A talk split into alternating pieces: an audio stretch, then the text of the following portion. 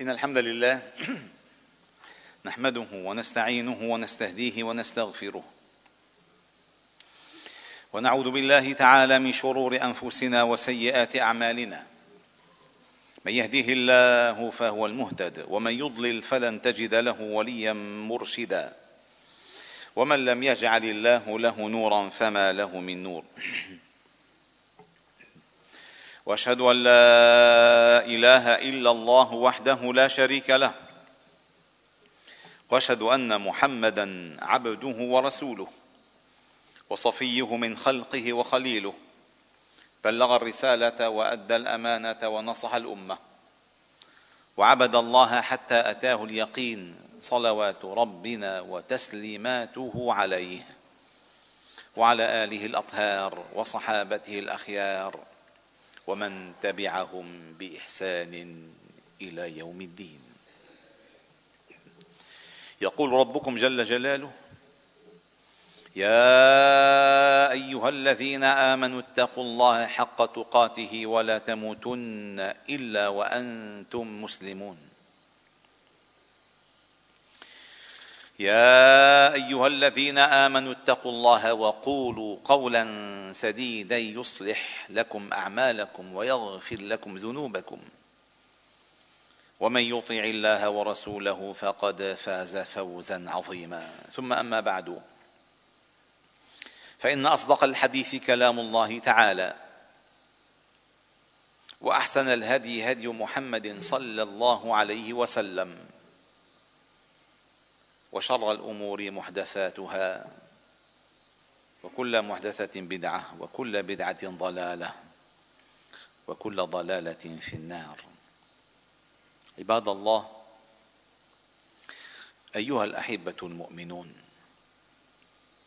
فيما مضى من الشهرين السابقين كنا نجول وإياكم في التعرف على شخصية أبي الأنبياء إبراهيم عليه السلام ومواقفه ومحاججته ومناظراته. وكيف تربى واين نشأ وكيف هاجر وكيف بنى بيت الله الحرام ورفع القواعد من البيت هو وابنه إسماعيل عليهما السلام. ووصلنا إلى أهم قضية ينبغي أن يلتفت إليها المسلم وهي دعوة إبراهيم عليه السلام. فعندما الله تعالى قال وأريد منكم أيها الأحباب الكرام أن ننتقل وإياكم من السماع التقليدي للآيات والتفاعل التقليدي بالمناسبات والتأثر الروتيني بالحفلات إلى عالم آخر. يشعر الإنسان فيه برقي روحه وقيمة عقله وأهمية الأمانة التي عنده. فنحن في ديننا ليس هناك لا فلكلورات ولا مهرجانات ولا أشياء لا قيمة لها عند الشعوب. نحن أمة ابتعثنا الله جل جلاله لنخرج الناس من الظلمات إلى النور ومن علينا من علينا؟ بهذا النبي الرسول صلى الله عليه وسلم. فقال لقد من الله على المؤمنين إذ بعث فيهم رسولا منهم يتلو عليهم آياته ويزكيهم ويعلمهم الكتاب والحكمة وإن كانوا من قبل لفي ضلال مبين. فإبراهيم عليه السلام بعدما أنهى رحلته في هجرته إلى بلاد الشام وفي مروره بمصر ذهب بوحي الله تعالى إلى بيت الله الحرام إلى أرض بواد غير ذي زرع. أوحى الله تعالى إليه أن يبني له بيتا هنالك واتخذوا من مقام إبراهيم مصلى وخلد الله تعالى هذا الفعل للمؤمنين وسطره قرآنا يتلى إلى يوم القيامة. ثم قال الله تعالى وصف الفعل وإذ يرفع إبراهيم القواعد من البيت وإسماعيل ربنا تقبل منا إنك أنت السميع العليم. أهم عمل فعله بشري في الأرض أن يرفع قواعد الإيمان. وأن يجعل للتوحيد والإيمان رمزا يقصد. فكلما نظر إليه الإنسان تذكر ملة أبينا إبراهيم تذكر قيمة التوحيد قيمة الإيمان قيمة المواجهة. وكيف اتخذ الله تعالى إبراهيم خليلا؟ وكيف جعل الله تعالى إبراهيم للناس اماما؟ وكيف كان إبراهيم عليه السلام أمة؟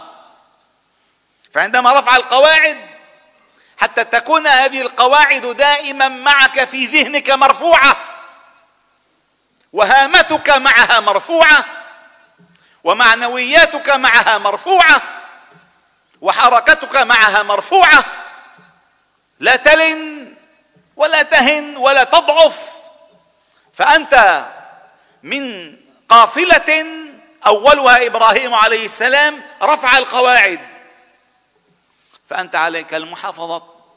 عليك أن تحافظ على هذه القواعد مرفوعة في حياتك لا في الحجر.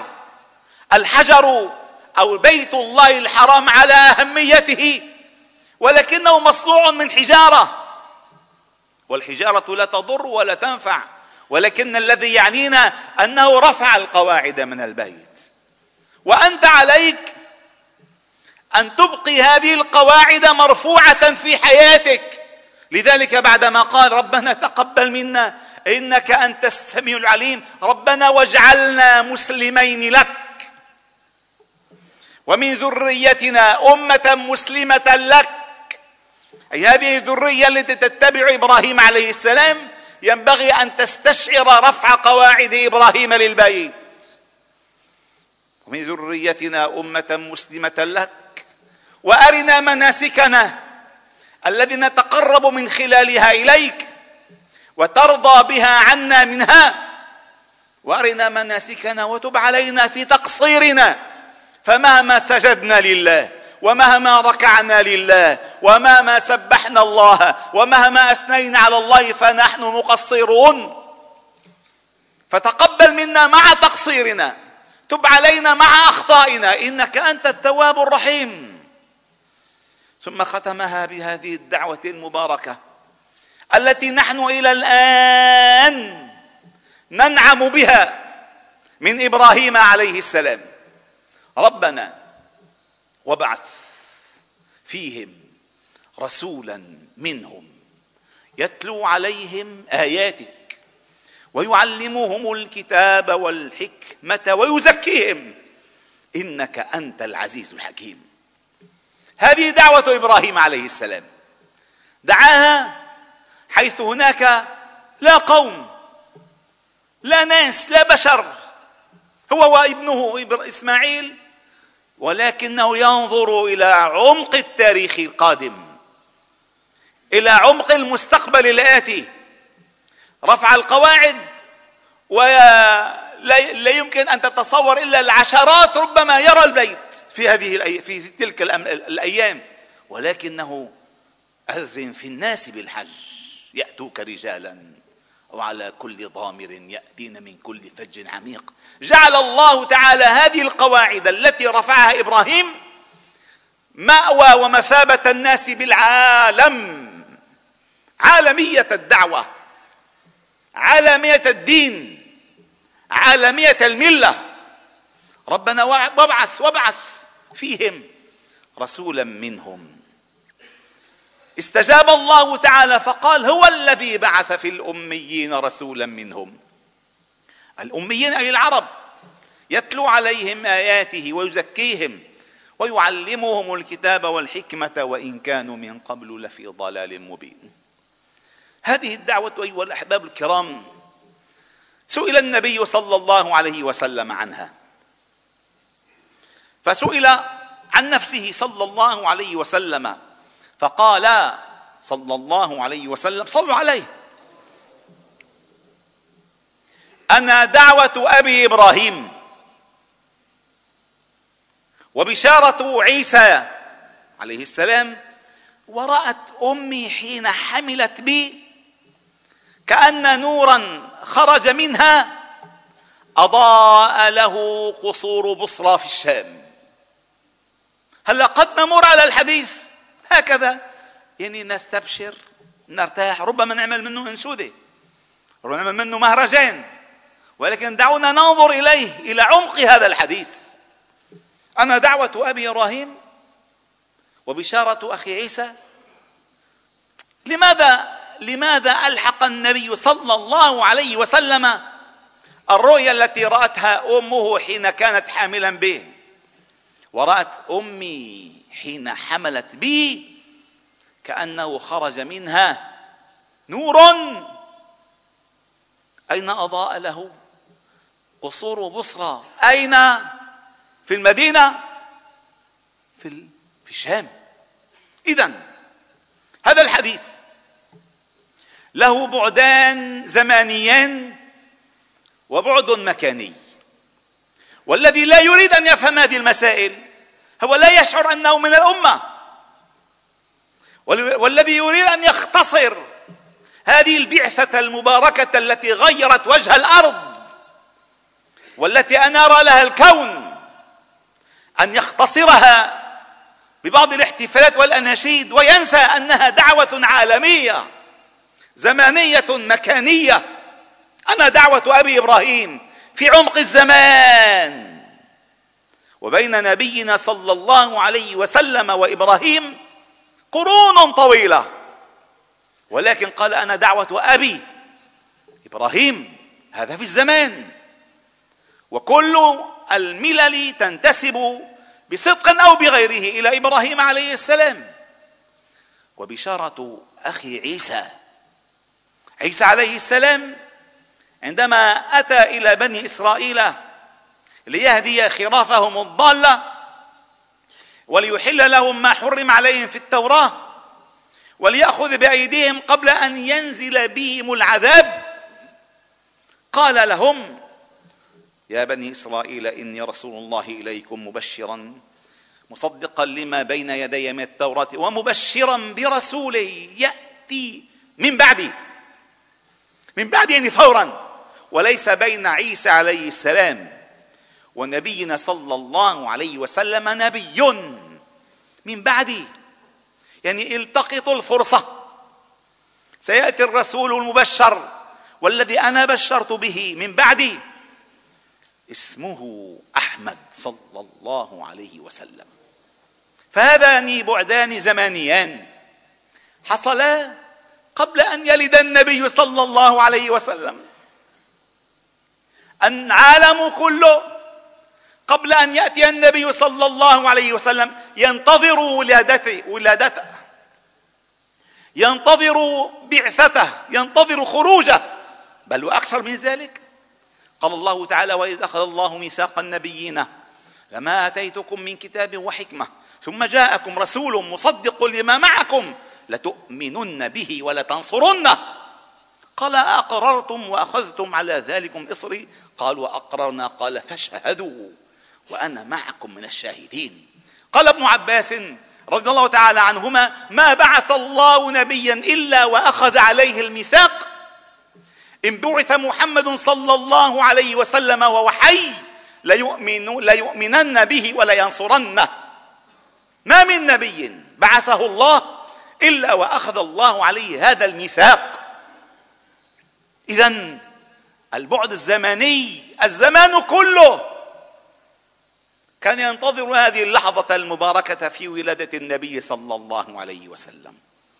أما البعد المكاني فإنه وإن ولد في واد غير ذي زرع فإن قصور الشام البعيدة عن الجزيرة العربية فالجزيرة العربية لها طابع الصحراوي. وبلاد الشام لها طابع الاخضرار والبساتين والرياض والأنهار ستضيء له القصور من نوره قبل أن يلد. أضاءت أضاءت له قصور بصرى في الشام. هذا البعد المكاني أي سيتنعم. القصور يعني الحضارة أين الحضارة كانت؟ في بلاد الشام.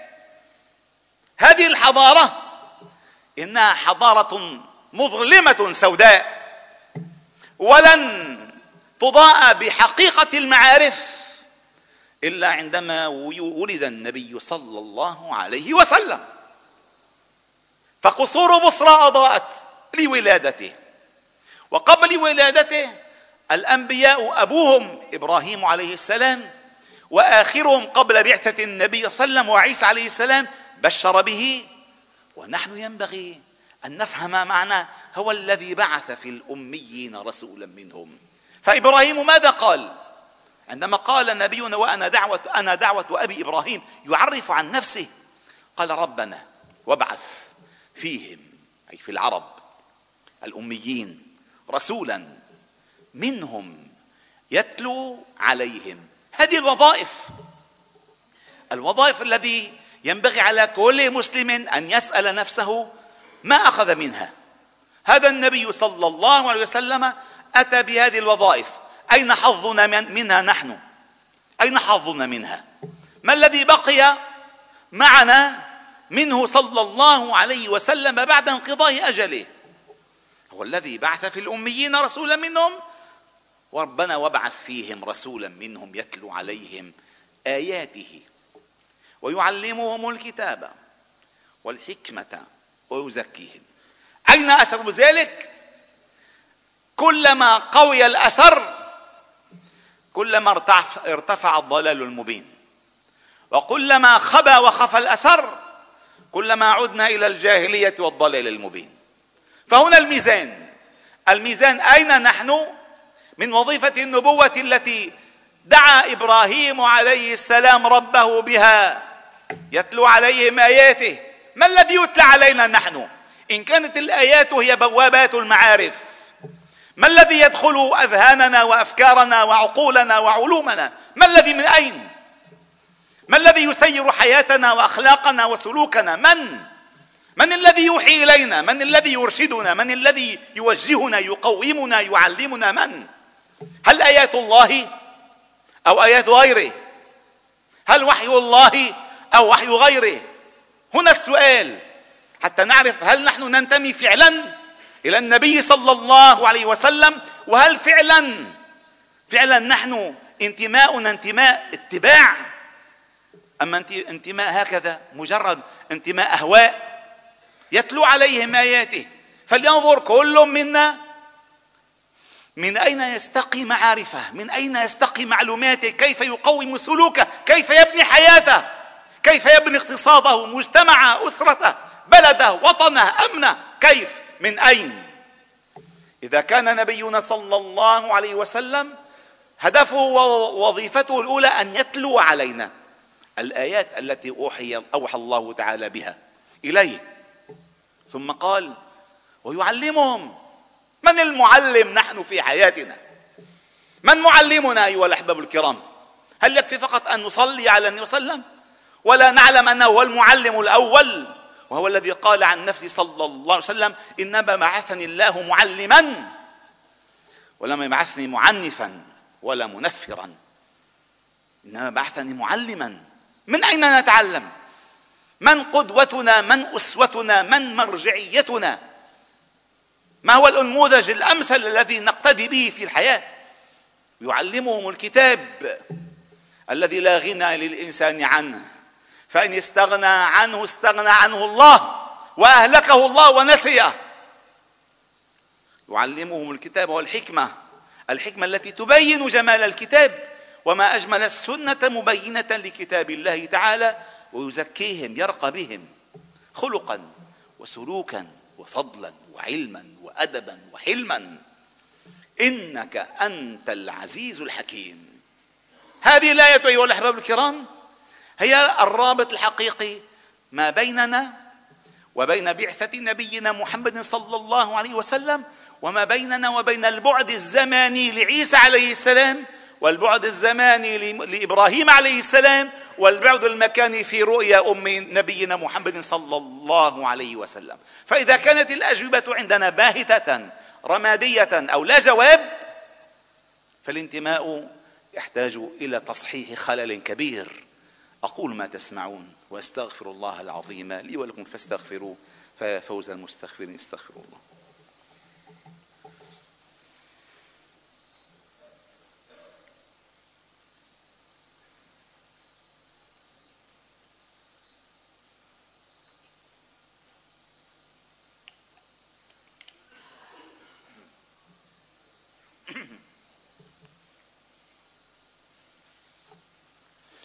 الحمد لله وكفى.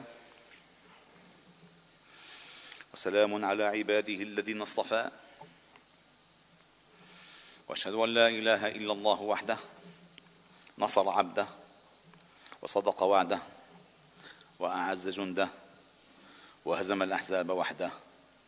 لا شيء قبله ولا شيء بعده ولا نعبد إلا إياه. مخلصين له الدين ولو كره الكافرون. وأشهد أن محمدا عبد الله ورسوله وصفيه من خلقه وخليله بلغ الرسالة وأدى الأمانة ونصح الأمة وعبد الله حتى أتاه اليقين صلوات ربنا وتسليماته عليه وعلى آله الأطهار وصحابته الأخيار ومن تبعهم بإحسان إلى يوم الدين. عباد الله إن الله وملائكته يصلون على النبي. يا أيها الذين آمنوا صلوا عليه وسلموا تسليما. اللهم صل على محمد وعلى آل محمد كما صليت على إبراهيم وعلى آل إبراهيم وبارك على محمد وعلى آل محمد كما باركت على إبراهيم وعلى آل إبراهيم في العالمين إنك حميد مجيد. وارض اللهم عن الخلفاء الراشدين والصحابة والتابعين ومن تبعهم بإحسان إلى يوم الدين وعنا معهم برحمتك يا أرحم الراحمين. اللهم ارحمنا فإنك بنا راحم ولا تعذبنا فإنك علينا قادر ولا تسلط علينا بذنوبنا من لا يخافك ولا يرحمنا. يا حي يا قيوم برحمتك أستغيث أصلح لنا شأننا كله ولا تكلنا إلى أنفسنا طرفة عين ولا أقل ولا أكثر. إلهنا مولانا أنت رب العالمين. اللهم اهدنا واهد بنا واجعلنا سببا لمن اهتدى. اجعل اللهم هداة مهتدين غير ضالين ولا مضلين. سلما لأوليائك وحربا على أعدائك. نحب بحبك من أحبك ونعادي بعداوتك من خالف أمرك. اللهم اهد شبابنا اللهم اهد رجالنا اللهم اهد نساءنا اللهم اهد شاباتنا اللهم اهد أبناءنا وبناتنا اللهم اهد أمهاتنا وآباءنا. ربنا ارحمهما كما ربيانا صغارا. اللهم اهد علماءنا لقول الحق واهد ولاة أمورنا للحكم بالحق واهدنا بهداك ولا تكلنا إلى سواك. اللهم إنا عبادك بنو عبادك بنو إمائك نواصينا بيدك ماض فينا حكمك عدل فينا قضاؤك نسألك بكل اسم هو لك سميت به نفسك أو أنزلته في كتابك أو علمته أحدا من خلقك واستأثرت به في علم الغيب عندك أن تجعل القرآن العظيم ربيع قلوبنا ونور أبصارنا وجلاء همومنا وذهاب غمومنا وأحزاننا. اللهم علمنا منه ما جهلنا وذكرنا منه ما نسينا وارزقنا تلاوته آناء الليل وأطراف النهار. وعلى النحو الذي ترضاه منا. اجعل اللهم في حياتنا إماما ونورا وفي قبرنا أنيسا ونورا وعند حشرنا شفيعا ونورا. اجعله اللهم حجة لنا ولا تجعله حجة علينا. اللهم فارج الهم اللهم مزيل الغم اللهم مجيب دعوة المضطرين. رحمن الدنيا والآخرة ورحمهما. ارحمنا رحمة من عندك تغنينا بها عن رحمة من سواك. اللهم أحسن عاقبتنا في الأمور كلها وأجرنا من خزي الدنيا وعذاب الآخرة. اللهم إنا نسألك من خير ما سألك منه نبيك محمد صلى الله عليه وسلم. ونستعيذك من شر ما استعاذك منه نبيك محمد صلى الله عليه وسلم. وأنت المستعان وعليك البلاغ. ولا حول ولا قوة إلا بالله العلي العظيم. اللهم استر عوراتنا. اللهم آمن روعاتنا. اللهم احفظنا من بين أيدينا ومن خلفنا وعن أيماننا وعن شمائلنا ومن فوقنا. ونعوذ بعظمتك أن نغتال من تحتنا. اللهم اجعل هذا البلد سخاء رخاء حفظا وأمنا بحفظك وأمنك. فإنك أنت الله خير حافظا وأنت أرحم الراحمين. اغفر اللهم لنا ولوالدينا ولمن علمنا وللمسلمين في مشارق الأرض مغاربها سبحان ربك رب العزة عما يصفون وسلام على المرسلين والحمد لله رب العالمين.